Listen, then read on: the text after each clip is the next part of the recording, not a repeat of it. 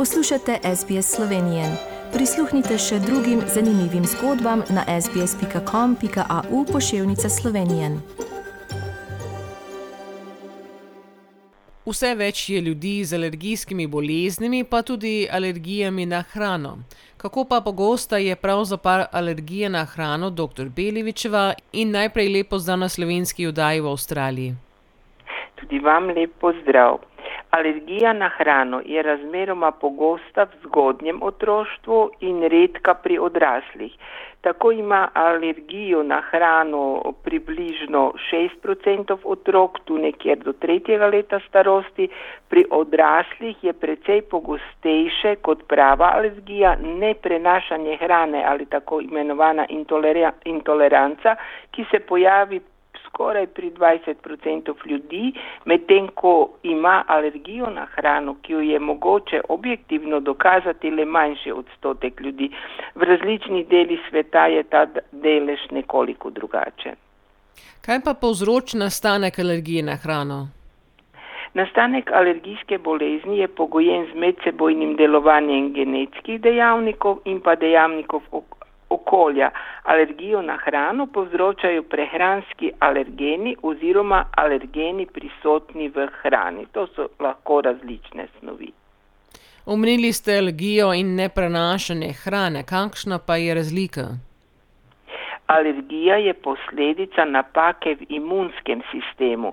Do alergijske reakcije v organizmu pride, ko neškodljiva snov iz okolja povzroči reakcijo v telesu. Snov, ki sproži alergijsko reakcijo, imenujemo alergen.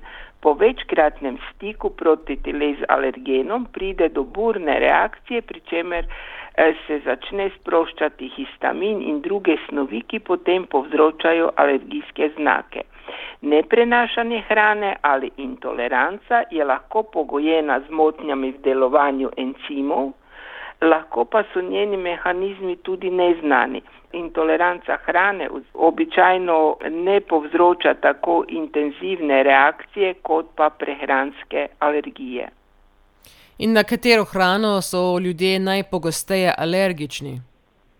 Pri otrocih so najpogostejše alergije na mleko, jajca, arašide in oreške, pri odraslih pa alergije na mehkužce, arašide, oreške, ribe in jajca.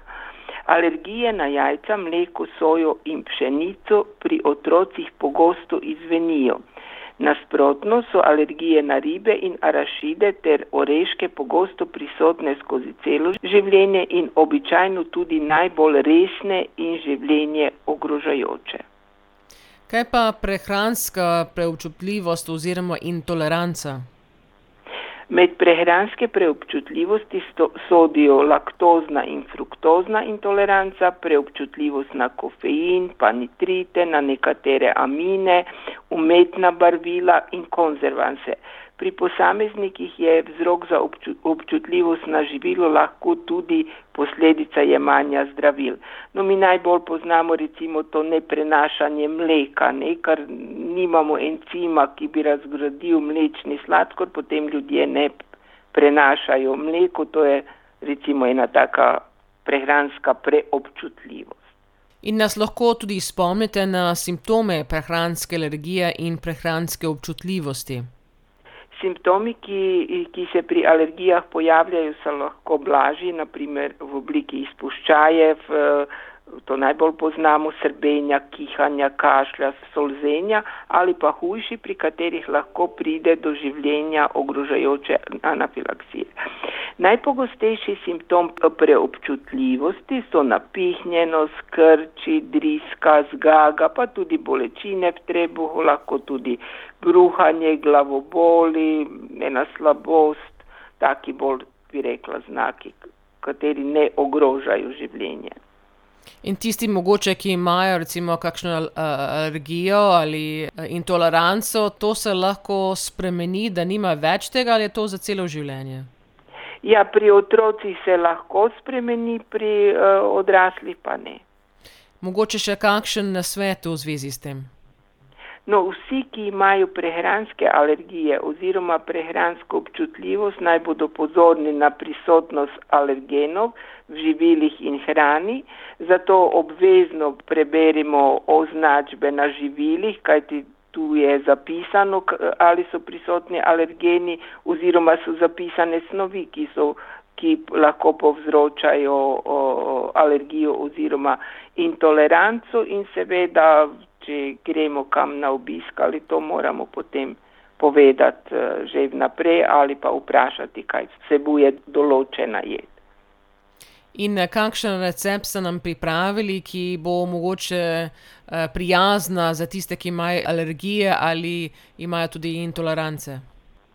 Tako, to je njena preprosta jed, ki je lahko samostojna jed, če jo ponudimo s solato, je lahko samostojna jed. Eh, to je zelenjava s krompirjem iz pečice. Potrebujemo 50 dekagramov ulupljenega krompirja, eno bučko, dva paradižnika, eno rumeno papriko in eno zeleno papriko, potem 20 dekagramov šampinjonov, eno čebulo, tri stroke česna, eno vejico rožmarina, potem še sol in grobo mlet poper, pa štiri žlice olivnega olja. Krompir in zelenjavo narežemo, blago solimo, prelijemo z oljem, popramo in premešamo. Damo v primeren pekač, dodamo vejico rožmarina, pokrijemo s folijo in pečemo približno na 180 stopinj Celsijusa, recimo pol ure, mest probamo ali je poskusimo ali je pečeno, zadnjih pet minut folijo odstranimo in postrežemo solato. Edino pazimo, če smo slučajno alergični na rožmarin ali poper. To je sicer redko, ampak bi bilo možno. No, upajmo, da ne, tako da večina poslušalcev bo lahko so, seveda to pripravili. Uh, recept bo tudi na naši spletni strani za tiste, ki si niso zapisali v tem času.